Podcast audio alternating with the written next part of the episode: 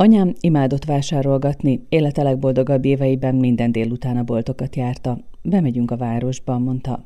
Haszontalan apróságokat vettek apámmal, kannácskákat, kisollókat, lámpákat, töltőceruzákat, zseblámpákat, tömött kispárnát, piperetáskát, mindenféle kacatot ötletszerűen, aminek hasznát vehetik utazás közben. Ez azért fura, mert nem utaztak sehová. Voltak kedvenc könyvesboltjaik, kedvenc játékboltjaik, kedvenc javítóműhelyeik, összebarátkoztak különféle, mindig nagyon-nagyon kedves emberekkel, az antikvárius hölgyel, az ollós urral, a tokhalas urral, minden szerzeményhez szertartás társult, megpillantottak egy rendkívüli példányt a használt lámpák boltjában, ahol a lámpás úr fogadta az ügyfeleket, egy nagyon rokonszenves polgár, hogy apám szemléletes kifejezésével éljek, nézegették, megkérdezték, mennyibe kerül, arra jutottak, hogy nem engedhetik meg maguknak. Hazajöttek, szenvedtek, sóhajtoztak, a fejüket csóválták, megfogadták, hogy ha lesz pénzük, ami rövidesen várható, akkor feltétlenül. Az Amit nem dobtam ki című kötet elbeszélője egy napon az édesanyja által felhalmozott rengeteg holmi között találja magát, és válogatás, rendezgetés közben eszébe jutnak a múlt kesernyés és mulatságos történetei, amelyek révén átgondolja az édesanyjához fűződő kapcsolatát. Márcsin Viha könyvéről, a fordítóval Mihály Zsuzsával beszélgetünk, akinek azt találtam mondani, hogy ez tulajdonképpen egy emlékező könyv. Ha a műfaját tekintjük, akkor nagyon nehéz besorolni, és tényleg a legkülönbözőbb megjelölésekkel találkoztam. A lengyel hivatalos álláspont legalábbis a viháról szóló oldalakon az, hogy ez egy eszé, eszé gyűjtemény. De hát azt hiszem, hogy az eszébe annyi minden belefér, hogy az emlékezőkönyv ez tökéletes. Számodra melyek voltak a legfontosabb tárgyak? Szóval hogy mik azok, amelyek leginkább árulkodnak ennek a szerzőnek az édesanyjáról, illetve a hozzáfűződő viszonyáról? Nekem a könyvek voltak a legemlékezetesebbek, amelyeket megtalált az édesanyja könyvespolcán, és itt nem csak arra gondolok, hogy a kedvenc könyvei, amiknek a tartalmát is valamennyire ismerteti, meg az édesanyja könyvekhez fűződő viszonyát, meg a nevelési elveit, amelyek kibontakoztak ezekből az olvasmányokból, hanem azt is, hogy a könyvespolcon sorakozó könyvek kinézete az hogyan tükrözi a kornak a hangulatát, milyen lenyomatokat alkotnak ezek az éppen papírhiányról, vagy a fogyatékos nyomdatechnikáról tanúskodó kiadványok, és ezeket hogyan tudja a sorrendbe rendezni a 60-as, 70-es, 80-as, 90-es évekhez. Uh-huh. Tehát nekem ez, ez mondotta a legtöbbet az édesanyjáról. Igen, nagyon érdekes, hogy milyen szisztéma szerint voltak a polcon a könyvek. Az édesanyjának a szakmai jelenléte az mutatkozott meg erősen, amikor felsorolta, hogy, hogy a divatokat követve hogyan szerezte be az éppen aktuális életvezetési, pszichológiai, hasonló témájú könyveket, és ezekből milyen történet rakható össze úgy, ahogy a könyves polcon sorakoznak. Ez rettenetesen szellemes volt. Nagyon. És uh, tulajdonképpen ez is mutatja azt, hogy az édesanyja milyen egyéniség volt, ezt a későbbiekben fejtette ki, hogy mennyi szorongással küzdött, és ezt hogyan próbálta leplezni határozottságával, a pontos fogalmazással, az, hogy nem lehet semmit elkenni, és valahol ezt már előlegezik ezek az előzetesen megadott könyvcímek. Az is nagyon klassz, amikor a szép irodalomról van szó, Jane Austenről és Ulickájáról, Igen, másokról. Is nagyon és akkor rögtön az olvasó tud vele közösséget érezni az édesanyjával, hogyha ezeket a szerzőket ő is szereti. Hát nem? igen, meg ahogy kifejti, hogy Austenben pontosan mit szeretett, hogy az anyja is arra tanított őt, hogy ne kerteljünk, hogy mindent a lehető legpontosabban fogalmazunk meg, hogy érzékeltessük a szavakkal, hogy mi a véleményünk valamiről, és ez, ez Austinnal is abszolút felfedezhető, hogy mennyire meg tudja jeleníteni a, a legkülönlegesebb modorosságokat, hogy tudja egymás után sorakoztatni a közhelyeket, és ezzel hogyan jellemzi az embereket. És a Vihe édesanyja valószínűleg pont azért olvasta ezt, mert annyira élvezkedett ezekben a rettenetes vonásokban, és pontosan ezeket akarta kiírtani a környezetéből. Azzal terrorizálta az embereket, hogy szemükben mondta az igazat. Nem hallgatott el, amikor másoknak kényelmesebb lett volna, ha hallgat. Nem reagált, ha rászóltunk. Pszt, hagyd már abba, ne olyan hangosan. Sokan mondták róla, hogy erős. Szerintem nem, de megvetette a tehetetlenséget. Ott állt a polcán a Modern Terápia Gyógyszerei című könyv, hogy ne legyen orvosra ítélve. Volt vagy száz szakács könyve, notesze milliónyi telefonszámmal minden alkalomra. Évvégén idegesen keresett betétlapokat a noteszhez, ami nem volt könnyű, mert egyedi módon voltak elhelyezve a lyukak és a gyűrűk a dossziéban. Végül sikerült, és újabb lapok duzzasztották a noteszt, míg már össze sem ért rajta a pánt. Don Corleone állapította meg a keresztapában, csak akkor vagy igazán gazdag, ha vannak befolyásos barátaid. Szerintem a mosógép szerelőre, meg az olyan orvosra gondolt, aki megadja a privát számát. Azt éreztem, hogy gyerekként vagy fiatal felnőttként ennek a fiúnak ez teher volt egy kicsit, hogy az édesanyja milyennek szeretné őt is, és hogy milyen örökséget hagyott rá ezzel a szókimondással, vagy a gerincességével. Találtam rá célzásokat én is, hogy uh-huh. azért nehéz lehetett. Eleve nehéz embernek nevezi az édesanyját, és hogyha visszagondolunk azokra a jelenetekre, amikor például elmeséli a kisfiú korából származó történeteket, amikor majdnem rugott egy gólt, és akkor azért a mamája elég csúnyán lealázza az a igen, mert azt mondja, pont... hogy elméletileg elméletileg, Igen, ami egy bűbájos történet, de hogyha beleképzeljük magunkat a 8-10 éves kisfiú helyébe, hát azért nehéz, nehéz lehetett ilyen nyomasztó fölényel megküzdeni. Tehát én úgy látom, hogy teher lehetett azért bizonyos időszakokban egy ilyen anya, de az is biztos, hogy nagyon sokat formált rajtam, mert ahogy ez a könyv megvan írva, abban én végig azt érzékeltem, hogy ennek igazából olyan háromszoros a terjedelme ehhez képest, ami valóban megjelent. Olyan rövid és sűrű mondatokban fogalmaz, annyira letisztult stílusban. Tehát én, én azt hiszem, hogy ez a nyelvi nevelés, ez nagyon jó talajra hullott a kisfiánál. Azt is megtanítja az édesanyja, hogy hogy kell a hivatalnokokkal a postán beszélni, sőt, még az orvossal is. Ezek ilyen szép egymásra rímelő történetek, hogy amikor az édesanyja sokadik telefonos forduló után levelet ír a ház vízszolgáltatásai felelős mérnöknek, hogy akkor az, az milyen stádiumokon megy keresztül, és végül mit ír neki végtelenül szarkasztikus stílusban. Aztán következik száz oldallal később a jelenet a postán, amikor egy előfizetést próbál lemondani a könyv szerzője, és hogy akkor legalább olyan keményen kell tárgyalni a, a 2000-es évek postai tisztviselőjével, mint a 60-as évek mérnökével. Az a mérnök, aki a király az ő korában. Élet-halálúra, nincs víz. Ami valószínűleg visszatérő probléma volt a korabeli lengyel társasházakban. Erről legendák szólnak, hogy nem, nem létezett olyan új építésű ház, aminek a legfelső emeletéig eljutott volna a vízszolgáltatás, különösen esténként. De hát ezzel még én is találkoztam a 80-as évek kollégiumaiban, hogy a negyedik emeleten már nem volt vízesté tíz után, tehát ez egy annyira közhelyes probléma, Hát az édesanyja megoldó módszere az nem volt közhelyes. Ez a könyv mennyire tükrözi Lengyelország különböző korszakait, tehát a 80-as évek előtt, ugye az édesanyja fiatalkorát, vagy amikor azt mondja, hogy apám nem szerette az internetet, inkább maradt a rádiónál. Azon gondolkodtam, hogy ahogyan a lengyel olvasók reagálhattak erre a könyvre, szóval hogy mennyi ismerős momentum. Nagyon erősen benne maradtak ezek a nyomok, és ezzel nagyon sokat küzdöttem, mert nagyon tömören fejez ki olyan utalásokat, amelyekből egy lengyel olvasónak nem kell magyarázat ahhoz, hogy, hogy felidézze a kornak valamelyik jelenségét. Például, amikor a pöttömkés gyerekkönyvet próbálják valahogy beszerezni a, a könyvesboltban, erről egy egész fejezet szól, akkor egy fél mondatban megemlíti azt, hogy, hogy esetleg lehetett volna, vagy, vagy elképzelt, hogy valamelyik nyugdíjas oda csúsztat a eladó nőnek egy az eredetiben az van, hogy egy voltjelt ez egy kéttagú szó, ki kellett nyomozni, hogy mit jelent. Ez abban az időszakban, amikor még jegyrendszer volt, de ez Lengyelországban sokáig tartott, még a 80-as években is volt húsjegy. Akkor a húsjegynek, ami egy ilyen bankkártya méretű kis kartondarab volt, annak volt olyan, olyan nyolc mezője. Annak az egyik rubrikája volt ez a voltjel, ami marha és borjú húst jelent, de valóságban köze nem volt annak a terméknek se a borjúhoz, se a marhához, amit adtak érte, hanem valami, nem tudom, nyesedék volt.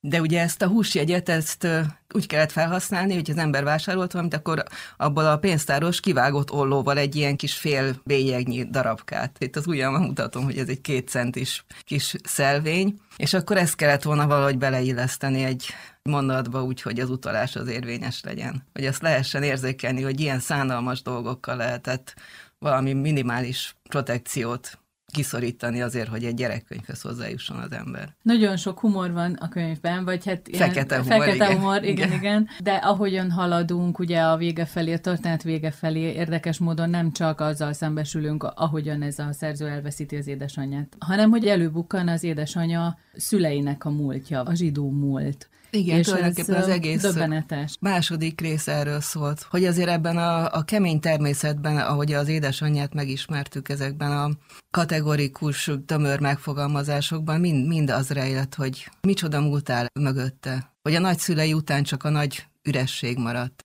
az egy nemzedékkel korábbi családtagok próbálták nagyon elhallgatni, és a szerző szülei azok már nem. Tehát a mamája a sokszor célozgatott erre, biztos megvoltak a megfelelő kifejezés is, és hát sokszor említi azt, hogy 68-ban mekkora törés volt az, hogy a zsidó értelmiség nagy részét az tulajdonképpen vagy elmozdították az állásából, vagy el is üldözték az országból. És ezt is csak lakonikusan megjegyzi, hogy a nagymamáját, aki gyerekkönyveket szerkesztett egy könyvkiadónál, őt is 1968-ban zavarták el nyugdíjba. Ez nincs ott kifejtve, de hát azért nem nehéz kitalálni, hogy mit jelent ez a 68. Igen. Tehát nem csak a második világháborús holokausztról van itt szó, hanem a 68-as zsidó üldözésről is, uh-huh. aminek az édesanyja már eléggé megszenvedte a, a hatásait.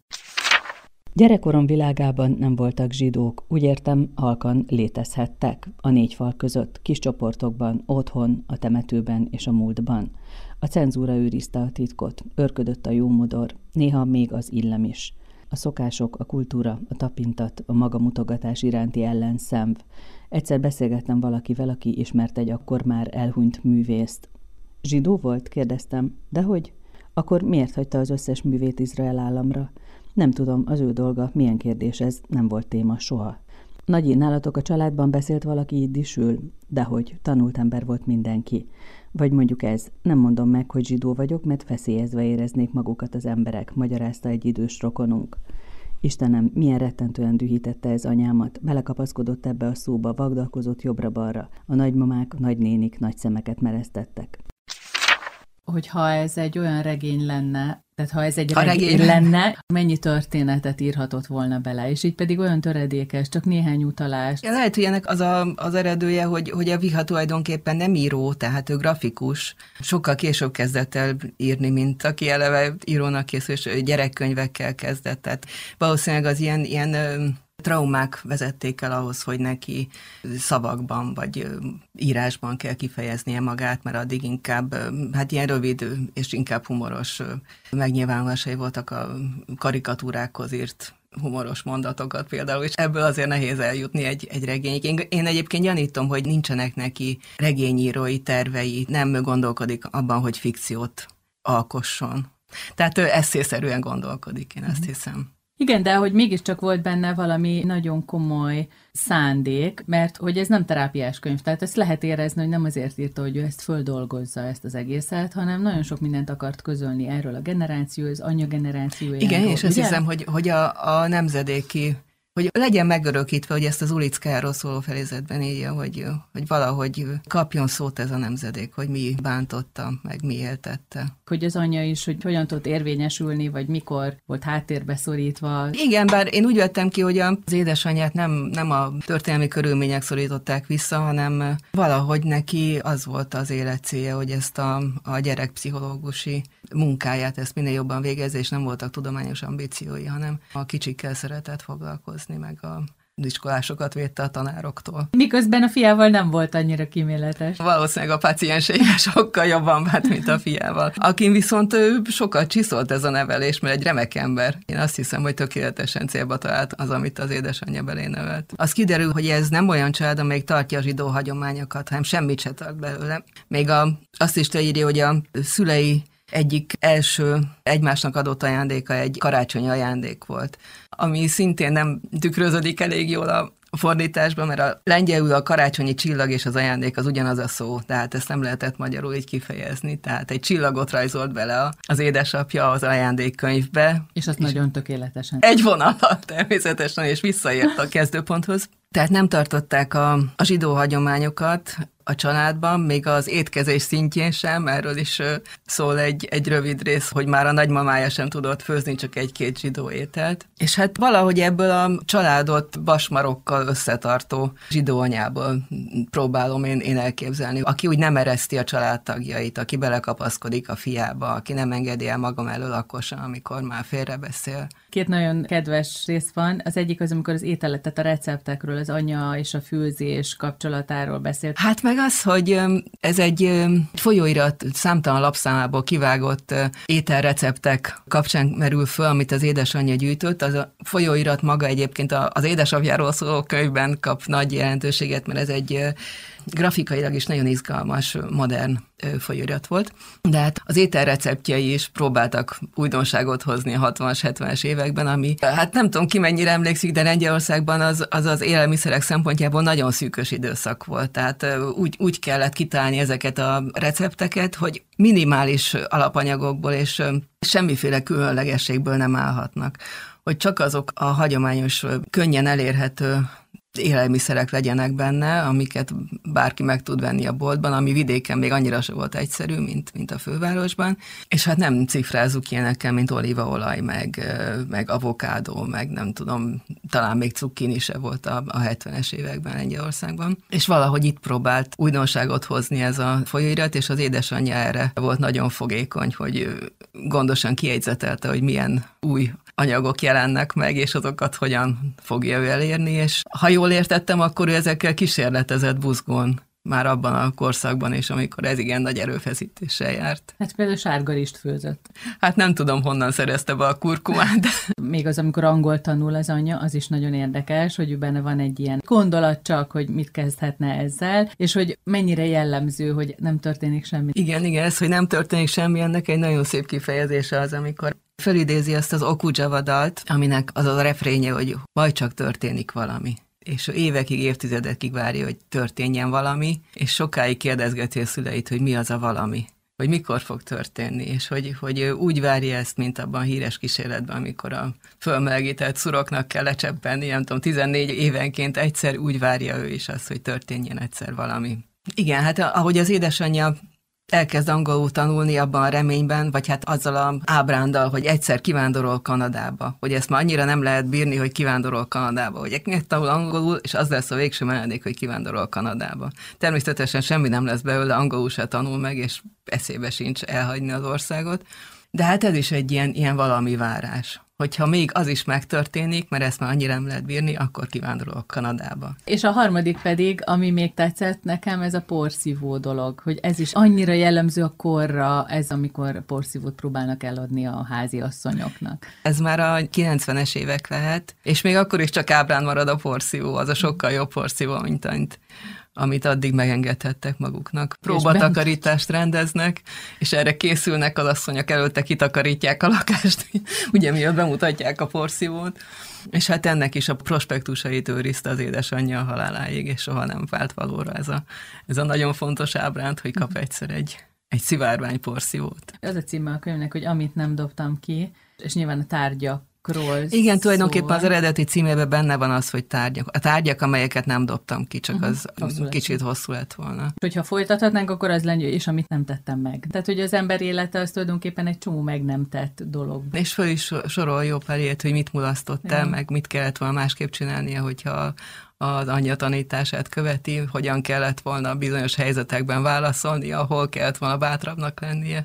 Igen, nyugodtan beleférhetett volna a címbe az is. Jól éreztem én, hogy az édesapa alakja nagyon súlytalan? Tehát, mint hogyha a családban anya annyira elős lett volna, vagy, Ö, vagy csak azért, mert neki emlék ez a könyv, vagy milyen? Va- valószínűleg az is benne van, hogy az édesanyja dominálta a családba, ezt nagyon el tudom képzelni.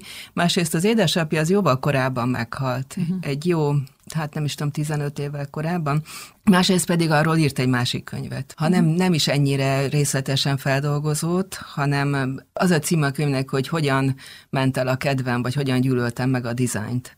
Az édesapja építész volt, és elég szigorú ítéletű építész, és a Márcsin Viha tőle tanulta a tárgyakról alkotott ítéletét, hogy mennyire fontos, hogy egy tárgyak milyen a vonalvezetése, mennyire használható, mit jelenít meg, hogyan tükröz, minek kell megjelenni egy plakáton, csupa ilyesmit. Tehát erről írt egy komplet könyvet, ami nem, nem ennyire közeli emlékeket idéz meg, hanem csak úgy, úgy valahogy mindig benne van a, az édesapjának az ítélete meg a nevelése. Lehet, hogy el akarta választani a kettőt. Én gyanítom, hogy az már fel van dolgozva nála. Most még egy momentum eszembe a szavak, hogy mennyire fontosak a szerző számára, de nem nem hagyományos értelemben, hanem hogy az édesanyja mindent nevén nevezett, tehát hogy egyáltalán nem szerette az ilyen elkenést és mellébeszélést. Igen, én is ezt látom benne, hogy borzasztó gondosan formálja meg a, a mondatait, és sokkal kevesebbet ír le, mint amennyi gondolati tartalom van mögötte. Ezért volt nagyon, bizonyos helyeken nagyon nehéz volt fordítani, úgyhogy minden benne legyen, amit ő kifejezni akart, és igazából ez, ez nekem abban a fejezetben derült ki, ahol a temetésről tárgyal a a céggel, a menedzserasszonyjal, és a búcsú beszédet fogalmazó mester nőnek a mondatait próbálja, hát nem is kiavítani, hanem helyettesíteni, mert ír egy teljesen attól eltérő beszédet. És hát itt derül ki az, hogy az édesanyja mennyire utálta a közhelyeket, és mennyire írtotta a, a semmit mondó kliséket, az egymással párban járó jelző szerkezeteket, mert hogy nem azt kell kimondani, ami az embernek a szájára jön, hanem azt, amit igazán, amit méről ki akar fejezni. És igen, ez, ez az összes mondatában érződik. Nincsen benne felesleges mondat. Mihály Zsuzsa fordítóval beszélgettünk Márcsin Vihá amit nem dobtam ki című könyvéről, ami a Tipotex kiadó gondozásában jelent meg.